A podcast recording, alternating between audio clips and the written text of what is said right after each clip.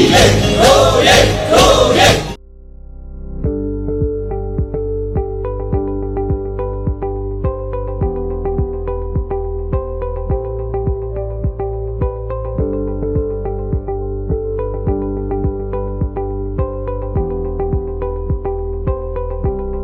န်မာနိုင်ငံမှာဆင်အနာသိမ့်ပြီးတဲ့နောက်အမျိုးသားညီညွတ်ရေးအစိုးရ NUG ကိုဖွဲ့စည်းခဲ့တာတစ်နှစ်ပြည့်တော့မှာဖြစ်ပါတယ်။ ဒါကြောင့်မြန်မာနိုင်ငံတော်လှန်ရေးရဲ့လက်ရှိအခြေအနေရှေ့အလားအလာတွေနဲ့ပတ်သက်ပြီးတော့အမျိုးသားညီညွတ်ရေးအစိုးရပညာရေးနဲ့ကျန်းမာရေးဝန်ကြီးဒေါက်တာဇော်ဝေဆိုနဲ့တွေ့ဆုံမေးမြန်းသွားမှာပါရှင်။ဆရာမင်္ဂလာပါရှင်။ နောက်လာရမှာဆိုရင် NUG ဖွဲ့စည်းခဲ့တာတစ်နှစ်ပြည့်ပါတော့မယ်ဆရာတစ်ဆက်တည်းမှာပဲစစ်ကောင်စီဘက်ကအကြမ်းဖက်တိုက်ခိုက်တာတွေဇက်တိုက်လုပ်နေတယ်လို့ပြည်သူတွေဘက်ကလည်းထူးခြားတဲ့အပြောင်းအလဲတစ်ခုခုကိုအရန်ကိုလိုလားနေကြတဲ့အချိန်ဖြစ်ပါတယ်ဆရာဒီတော့ဆရာအနေနဲ့တော်လန်ရဲ့လက်ရှိအခြေအနေအလားအလာပြီးတော့ပြည်သူတွေဘယ်လိုပူးပေါင်းပါဝင်ပြီးတော့ဘာတွေမျှော်လင့်ရမလဲဆိုတာကိုအရင်ဆုံးပြပြပေးပါဆရာ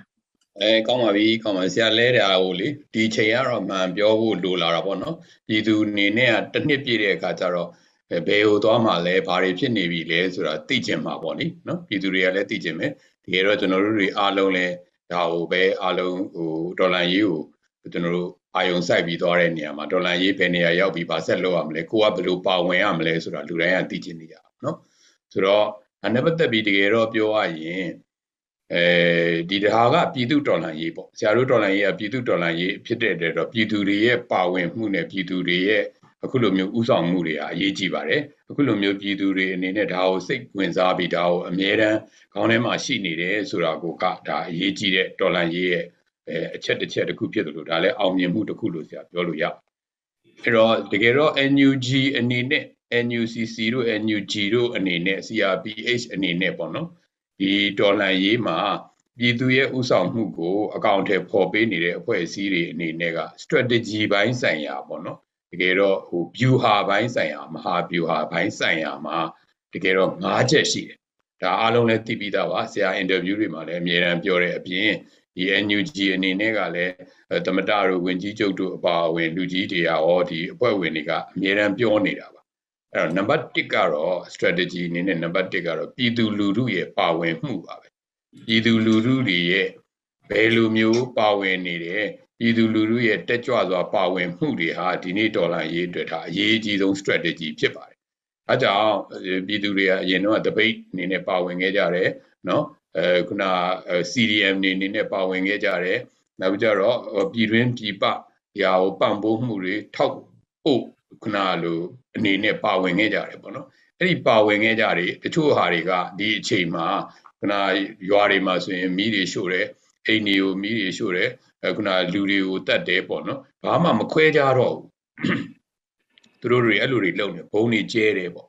ဆိုတော့အဲ့ဒီကြတော့ပြည်သူကိုကြောက်ပြီးတော့မပါဝင်နိုင်အောင်ပြည်သူတွေကိုမြို့ပေါ်မှာဆိုလို့ဒီလိုပဲအမျိုးမျိုးနှင်မှနှိပ်စက်ပြီးတော့ရက်စက်ကြမ်းကြုတ်ပြပြီးတော့ကြောက်ပြီးမပါဝင်နိုင်အောင်ဒါအကြမ်းဖက်စစ်တပ်ရဲ့ဒါသူ့ရဲ့လုံနေကြအတိုင်းလုပ်တယ်အခုလည်းပဲဒီပြည်သူစစ်ကိုဒီလိုမျိုးမြေလှန်လာနဲ့သူတို့လုပ်နေတယ်ပေါ့နော် ဆိုတော့အဲ့လိုမျိုးတွေလုပ်နေတာတွေဟာတကယ်တော့ပြည်သူကိုကြောက်အောင်လုပ်တာဖြစ်တယ်အဲ့တော့ပြည်သူအနေနဲ့ကတော့တကယ်တမ်းတော့မြန်မာပြည်သူတွေကပြတ်ပြီးသားပါမြန်မာပြည်သူတွေရဲ့စိတ်ထဲမှာကဒီအကြမ်းဖက်စစ်တပ်ကိုလုံးဝလက်မခံတော့ဘူးအာဏာရှင်ကိုလက်မခံတော့ဘူးဆိုတာပြည်သူတွေကပြတ်ပြီးသားဒါကြောင့်ရရနေရရောက်ရနေရကနေပြီးတော့တော်လှန်သွားမယ်ဆိုတာဆရာယုံကြည်တယ်။အားကြောင့်လဲဆိုတော့ဆရာတို့အရင်လည်းပြောပြီးပြီ တစ်နှစ်ကြာလို့ဆရာတို့အော်သူတို့များသွေးအေးသွားပြီလားလို့ထင်တဲ့အချိန်မှာဒီ silent strike ကိုကြည်ချင်းအပြင်ပြည်သူတွေဟာအချိန်ပြည့်အမြဲတမ်းပါဝင်မှုအသင်သင်ဖြစ်နေတယ်ဆိုတာတွေ့ရတယ်ဒါပေမဲ့သူတို့ရဲ့ကြာလာတော့တစ်နှစ်ရှိတော့ physical stress တွေပေါ့နော်စားစရာတောက်စရာနေစရာထိုင်စရာဝင်ငွေဒါမျိုးတွေကလည်းအခက်အခဲတွေဖြစ်လာတော့ဒါကြောင့်သူတို့တွေအနေနဲ့စိတ်ပိုင်းဆိုင်ရာအရာ သူတို့ရဲ့တက်ကြွမှုတွေရပါဝင်ခြင်းစိတ်တွေရှိပေမဲ့ရုပ်ပိုင်းဆိုင်ရာအခက်အခဲတွေရှိလာတာကိုတော့ဆရာတို့တွေအနေနဲ့ဒါကိုသတိထားမိတယ်သိရှိတယ်ဒါပေမဲ့တကယ်လို့အခြေအနေပေးတာနဲ့ပြည်သူဟာပါဝင်မယ်ဆိုတာဆရာယုံကြည်ပါတယ်ဒါကြောင့်ဒါနဲ့ပတ်သက်ပြီးဒီ strategy နံပါတ်1နဲ့ပတ်သက်ပြီးပြောရရင်တော့ပြည်သူတွေအနေနဲ့ကိုယ်ဘယ်နေရာပဲရောက်ရောက်ဘာပဲဖြစ်နေနေစစ်အာဏာရှင်ကိုဘယ်လိုဖြုတ်ကြရမလဲဆိုတာကိုအမြဲတမ်း ကြံစီနေဖို့လဲလိုတယ်ကြံစီနေတယ်လို့လဲဆရာကတော့သဘောပေါက်ပါတယ်ပြည်သူတွေဟာအမြဲတမ်းအစင်သင့်ဖြစ်အောင်ပြင်ဆင်နေတယ်အခက်အခဲတွေကြားကနေပြီးတော့ပြင်ဆင်နေတယ်ဆိုတာယုံကြည်တယ်။အဲဒါကြောင့်ရန်ကုန်မှာရှိနေတဲ့လူတွေအနေနဲ့လည်းအများအားတွေးနေမှာပဲ။မန္တလေးကလူတွေလည်းတွေးနေတာပဲ။စကိုင်းကလူတွေလည်းတွေးနေတာပဲ။မကွေးကလူတွေလည်းတွေးနေတာပဲ။နော်။ခုနကရင်တို့ကချင်တို့ရှမ်းတို့ချင်းတို့ ဒီကရင်နီတို့အားလုံးကလည်းပဲတနင်္သာရီတို့အားလုံးကလည်းတွေးနေတာဖြစ်တဲ့အတွက်ပြည်သူလူထုပါဝင်မှုကတော့ဆရာအနေနဲ့ရော့ကျသွားလိမ့်မယ်လို့မထင်ဘူးဒါပေမဲ့ဘယ်လိုပဲအကြမ်းဖက်ဖက်နှိမ့်ဆက်ဆက်ပြည်သူလူထုကတော့နီးမျိုးစုံနဲ့ရရနေရကအခွင့်တာရင်တာသလိုတော်လှန်မှုအစဉ်သင့်ဖြစ်နေမယ်လို့ဆရာယုံကြည်ပါတယ်ဒါကဆရာတို့ရဲ့ strategy number 1နဲ့ပတ်သက်ပြီးဆရာသုံးသပ်ကြည့် တယ်ဆရာတို့ရဲ့ strategy number 2ကတော့ဆရာတို့ရဲ့မဟာဗျူဟာ number 2ကဘာလဲဆိုတော့ဆရာတို့တွေရဲ့စီးလုံးညီညွတ်မှုဆရာတို့တွေရဲ့ unity ဆရာတို့တွေရဲ့စီးလုံးညီညွတ်မှုအဲ့ဒါကကျွန်တော်ဆရာတို့တွေအခုချိန်မှာဆိုရင်ဒီတိုင်းရင်းသားအဲအဖွဲ့အစည်းတွေပေါ့နော်လူနည်းစုတွေလူမျိုးစုတွေပြည်သူတဦးချင်းတဦးချင်းတယောက်ချင်းတယောက်ချင်းစီရဲ့စီးလုံးညီညွတ်မှုကလည်းပဲအရင်တုန်းကဒီ February 1ရက်2021 February 1ရက်နဲ့ဆရာတို့တွေခုခံတော်လှန်စစ်ကြီးညာခဲ့တဲ့ September လ9ရက်နေ့နဲ့ဒီနေ့နဲ့တော့မတူပါဘူးဒီနေ့ဒီနေ့ကိုပဲဆရာအနေနဲ့ထူးထူးခြားခြားဟိုပရိုစောတာနီးရဲ့ပရိုစောတာနီးရဲ့ဒီမှာအင်တာဗျူးမှာပြောသွားတာ KNU နဲ့ NUG နဲ့ bilateral နိုင်ငံရေးစစ်ရေးတွေဆွေးနွေးနေတယ်ဆိုတာဟာ ဆရာတို့တွေရဲ့စီလုံးညီညွတ်မှုကိုပြတာပဲဖြစ်ပါတယ်အဲ့ဒါဟာတကယ်တော့ပြည်သူတွေကိုလည်းအတက်စေသလိုနော်ဆရာတို့တွေရဲ့ဒီတော်လှန်ရေးရဲ့ strategy number 2အောင်မြင်နေခြင်းကိုပေါ်ပြတာပဲဖြစ်ပါတယ်။အဲကြောင့်တိုင်းရင်းသားအဖွဲ့အစည်းတွေနောက်ဒီထဲမှာပါဝင်နေတဲ့အဖွဲ့အစည်းတွေအားလုံးဟာအခုချိန်မှာဘုံရန်သူကိုဘယ်လိုမျိုးတိုက်ထုတ်ရမယ်ဆိုတာကိုအခုချိန်မှာလက်တွဲနေကြပြီစီလုံးညီညွတ်နေကြပြီမြန်မာပြည်ရဲ့မြောက်ပိုင်းမြန်မာပြည်ရဲ့ အနောက်ပိုင်းမြန်မာပြည်ရဲ့အရှေ့ပိုင်းမြန်မာပြည်ရဲ့တောင်ပိုင်းအားလုံးဘက်ပေါင်းစုံကနေပြီးတော့စီလုံးညီညွတ်စွာနဲ့လက်တွဲပြီးတော်လှန်မှုအတွက်ဆရာတို့ညီညွတ်မှုတွေကိုလည်းပြနေနိုင်ပြီလို့ဆရာတို့ယုံကြည်တဲ့အတွက်ဆရာတို့ရဲ့ဒုတိယနီးဗျူဟာဖြစ်တဲ့ strategy ဖြစ်တဲ့ unity ဆိုတာကလည်းပဲတနည်းတခြားတိုးတက်ပြီးအောင်မြင်နေတယ်လို့ပဲဆရာတို့ဒါကိုသုံးသပ်လို့ရပါတယ်။တော့နောက်နံပါတ်3ဖြစ်တဲ့ဆရာတို့ရဲ့ဒီ strategy နံပါတ်3ဖြစ်တဲ့နိုင်ငံတကာ PR နိုင်ငံတကာရဲ့ထောက်ခံမှုဒါကိုကြည့်မယ်ဆိုရင်လည်းပဲနိုင်ငံတကာရဲ့ PR နိုင်ငံတကာရဲ့ထောက်ခံမှုဆရာတို့ရော့သွားတယ်လို့လုံးဝမမြင်ပါဘူးမတွေ့မနေ့ကပဲ EU ကနေမြန်မာနိုင်ငံကိုထောက်ခံကြောင်းကို EU ကိုယ်စားလှယ်ပေါင်း646ယောက်ကထောက်ခံပြီးတယောက်ပဲကန့်ကွက်ပြီးတော့ဒီအဆိုကိုလက်ခံလိုက်တယ်ဒီအဆိုကိုမြန်မာနိုင်ငံအတွက် resolution ကိုဆုံးဖြတ်လိုက်တယ်ဆိုတာဟာ မြန်မာနိုင်ငံကိုကဘာကဘယ်လောက်ထောက်ခံနေတယ်ဆိုတာပြတာပဲဖြစ်တယ် NUG ကိုသူတို့အဲ့ထက်မှာပြောသွားတာ NUG လို့ကိုပြောသွားတာ National Unity Government လို့ကိုပြောသွားတာဖြစ်ပါတယ်နော်ဟိုဘက်က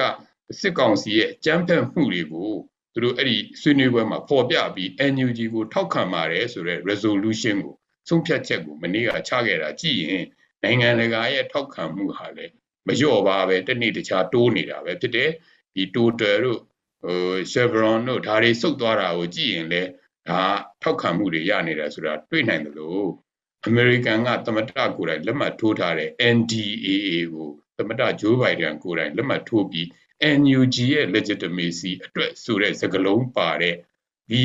စာတမ်းကိုလက်မှတ်ထိုးတာဟာလေဆရာတို့ဘလောက်နိုင်ငံတကာထောက်ခံမှုရနေတယ်ဆိုတာတွေ့နေရသလိုအာဆီယံမှာလည်းအခုတည်းကမင်းအောင်လိုက် အစည်းအဝေးမတက်နိုင်တာဟာနိုင်ငံတကာရဲ့ထောက်ခံမှုပဲဖြစ်ပါဆိုတော့ဒီဆရာတို့ရဲ့ strategy number 3နဲ့ပတ်သက်ရင်လည်းပဲဆရာတို့တွေအောင်မြင်နေတယ်လို့ပြောလို့ရပါဒါဟာဆရာတို့တွေဘာမှဒီအပေါ်မှာအပြည့်ဆရာတခုမှဆရာတော့မတွေ့သေးပါဘူးဆိုတော့ဆရာတို့ရဲ့ strategy number 4နဲ့ပတ်သက်ရင်ဒါဟာအရေးကြီးတယ်စစ်ရေးကာကွယ်ရေးခုခံတော်လှန်စစ်လို့ဆရာတို့တွေ သမတကိုယ်တိုင်စက်တင်ဘာ9ရက်နေ့မှာပြောခဲ့တဲ့ဒီစစ်ရေးကာကွယ်ရေးခုခံတော်လှန်စစ်နဲ့ပတ်သက်ရင်လည်းပဲဆရာတို့တွေစပြီးတော့ဒီ NUG ပေါ်လာတဲ့ April 16ရက်နေ့နဲ့ခုခံတော်လှန်စစ်ကြီးညာတဲ့နေ့နဲ့ဒီနေ့နဲ့ရဲ့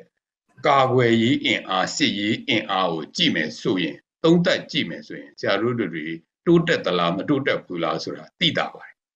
နော် ဆရာတို့တွေဒီဟာကိုအစကအခက်အခဲဖြစ်တယ်ငွေကြေးအရာအခက်အခဲဖြစ်တယ်နော်ခုန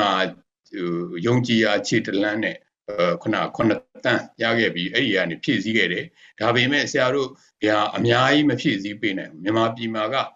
နေရာအနှံ့မှာရွာတိုင်းရွာတိုင်းမှာဒါကြောင့်လဲသူတို့ကရွာတိုင်းရွာတိုင်းကိုမီးရှို့ပြည်သူနဲ့ဒီစကစနဲ့ဖြစ်တဲ့ဒါကဟိုတိုက်ပွဲစစ်ပွဲပြည်သူနဲ့ စကစနဲ့ပါတီတစ်ခုနဲ့စကစနဲ့လက်နက်ကင်ဖွဲ့စည်းတစ်ခုနဲ့ဖြစ်တာမဟုတ်စကစနဲ့ပြည်သူနဲ့ဖြစ်တာအဲဒါကြောင့်လဲသူတို့ကရွာတိုင်းကိုမီးရှို့နေတယ်ပြည်သူတွေရှိတဲ့နေရာတိုင်းကိုပြစ်တယ်ပြည်သူတွေရှိတဲ့နေရာတိုင်းကိုပုံကျဲတယ်နော်ဒီ IDP camp ကိုတော့မှပဲဒီစစ်ဆောင်ဒေတာမှာရှိနေတဲ့စစ်ဆောင်ဒေတာဒီစခန်းကိုတော့ဘုံကျဲတယ်ဆိုတော့နောက်ကျောင်းတွေကိုဘုံကျဲတယ်ဖះကျောင်းတွေကိုဘုံကျဲတယ်ဆေးရုံတွေကိုဘုံကျဲတယ်အဲ့ဒီလိုမျိုးနဲ့ပြည်သူကိုသူကတိုက်ခိုက်နေတာဖြစ်တယ် ဆိုတော့အဲ့ဒါကြောင့်ဒီမှာလည်းပဲဒီဟာနဲ့ကြည့်မယ်ဆိုရင်လေဆရာတို့ကအစကဒါတုံညကနေစခဲ့ရတဲ့ခုခံတော်လှန်စစ်အဲ့ဒီဟာကအခုအချိန်မှဆိုရင် PDF တွေတော်တော်များများကိုဆရာတို့အခုဝေတိုက်စာချုပ်ကရတဲ့အဲငွေတွေနဲ့ဒါလက်နက်တွေအတော်များများတက်ဆင်နေနိုင်ပြီဒါပေမဲ့တန်းနဲ့ချီပြီးရှိနေတဲ့ PDF တိုင်းလက်နက်ကင်နိုင်မှုပဲလွယ်ပါနော်ဒါကြောင့်ဒါကိုခုန ခုနကိုယ်တိုင်တီထွင်ထားတဲ့ထုတ်လုပ်ထားတဲ့လက်နက်တွေကောကြံစထားတဲ့လက်နက်တွေကောအခုလိုမျိုးဒီရရှိလာတဲ့အဲခင်မီလက်နက်တွေကောနောက်တကယ်ကိုလိုအပ်တဲ့ခုနသူတို့ရဲ့ခုနလေကြောင်းနဲ့တိုက်ခိုက်လာတာကိုတွန်းလှန်နိုင်မှုအတွက်တွေကိုပြင်ဆင်ပြီးတော့သွားနေမယ်ဆိုရင်သွားနိုင်လာမယ်ဆိုရင်အခုဆိုရင်အဲ့ဒါတွေလည်းပြင်ဆင်နေတယ်ဆိုတော့ဆရာတို့ရဲ့ဒီ ခုခံတော်လှန်စစ်က offensive အနေနဲ့ defensive ကနေ offensive အနေနဲ့ပြောင်းနိုင်မယ်အနေအထားရောက်လာမယ်လို့ဆရာတော်ယုံကြည်တယ်ဆရာတို့ဟာ defensive ခုလိုခုခံတော်လှန်နေတာကနေပြီးတော့ခုခံပြီးတော့ကာကွယ်နေတာကနေပြီးတော့ထိုးစစ်တွေအနေနဲ့တိုက်ခိုက်ပြီးတော့နယ်မြေတွေသိမ့်ပိုက်လာနိုင်လိမ့်မယ်လို့ဆရာယုံကြည်တယ်အဲ့ဒီလိုမျိုးသိမ့်ပိုက်လာခြင်းဟာလည်းပဲဆရာတို့ဟာ justify war လို့ခေါ်ပါတယ် just war လို့လည်းတချို့ကပြောကြတယ် အဲ့ဒါဘာလဲဆိုတော့ဆရာတို့ကတရားသောစစ်ဓမ္မစစ်ကိုဆရာတို့ဆင်နွှဲနေတာဆရာတို့ဒီစစ်တိုက်တာဟာလူတွေသေစေခြင်းလို့မဟုတ်ဘူးလူတွေသေဆုံးသွားမှာစိုးလို့ဒီစစ်ကိုတော့တိုက်နေတာဖြစ်ပါတယ်ဒီလူတွေဆိုတာမှာတစ်ဖက်ကအခုလိုမျိုးဒီတိုင်းရင်းသားတွေနဲ့အခုလိုမျိုးပြည်သူတွေနဲ့ခုန NUG နဲ့ဘက်ကလူတွေတွေမကဘူးဟိုဘက်ကဒီအကြမ်းဖက်စစ်တပ်ဘက်မှာရောက်နေတဲ့ ပြည်သူတွေကအကြမ်းဖက်စစ်တပ်ဘက်မှာရောက်နေတဲ့ဒီစစ်သားတွေကောရဲတွေကောကိုမသေးစေခြင်းလို့တိုက်တဲ့စစ်ပွဲဖြစ်ပါတယ်ဒီစစ်ပွဲ။ဒါတို့ဟာ justify ဖြစ်တဲ့ just war တရားတဲ့စစ်ကိုဆင်နွှဲတာဖြစ်တယ်။ဒါတို့ဒီစစ်ကိုဆင်နွှဲခြင်းအပြင်တစ်ဖက်ကစောစောကပြောလို့သူတို့ကပြည်သူရင်ဝင်ကိုခိုးလုံလာမယ်သဘောပေါက်နားလည်ပြီးအခုလိုမျိုးတိုင်းရင်းသားတွေအားလုံးစုစုစည်းစည်းညီညီညွတ်ညွတ်နဲ့တပြိုင်နက်တည်း ခုနထိုးစစ်ကို offensive war justify war ကိုဆင်မယ်ဆိုရင်ဆရာယုံကြည်ပါတယ်ဟိုဘက်ကတကယ်ကိုစိတ်ကောင်းစေတနာကောင်းရှိနေသေးတဲ့ရှိသေးတဲ့တမတော်သားတွေဒီဘက်ကိုပူးပေါင်းလာမှာဖြစ်ပါတယ်ဒါဟာဆရာတို့အဲ့ဒီ justify war စီစဉ်တိုက်ချင်းအပြင်ဒါဟာဓမ္မတရားသောစစ်ဓမ္မသောဓမ္မစစ်ကိုဆင်နွှဲခြင်းအပြင်အခုလိုအသေးအပြောက်အ ਨੇ ဆုံးနဲ့မြန်မာပြည်ကိုလွတ်မြောက်နိုင်လိမ့်မယ်လို့ဆရာယုံကြည်တယ် ဒီမှာလည်းပဲဆရာတို့တွေအခုဒီဟာတိုးတက်ပြီးတော့ပို့ပြီးတော့စုစုစည်းစည်းဖြစ်လာတယ် PDF တွေနဲ့ချိတ်ဆက်နိုင်လာတယ်ဆရာတို့မှာ C3C တို့နောက်အခုကရင်နဲ့တောင်ပိုင်းမှာလည်းပဲ joint ဆွေးနွေးမှုတွေရှိတယ်အဲ့ဒီလိုမျိုးမဟာဗျူဟာနီးဗျူဟာအရာပေါင်းစပ်မှုတွေကလည်းပိုပြီးအားကောင်းလာတယ်ချိတ်ဆက်မှုတွေပိုအားကောင်းလာတဲ့အတွက်ဒီစစ်ရေးမှာလည်းပဲဆရာတို့တွေအောင်မြင်နေတယ်ဒါဆရာတို့တွေတိုးတက်မှုရနေတယ်လို့ယုံကြည်တယ် ဒါကြောင့်ဆရာတို့ရဲ့ strategy number 4ဟာလည်းပဲတိုးတက်နေတယ်အောင်မြင်နေတယ်ကောင်းမွန်နေတယ်လို့ဆရာယုံကြည်တယ်အဲ့တော့ strategy number 5ကိုကြည့်မယ်ဆိုရင်ဒါရှင်းပါတယ်ဒါကဘာလဲဆိုတော့ပြည်သူရင်ခွင်နော် defection ပြည်သူရင်ခွင်ဒါ CDM ပဲ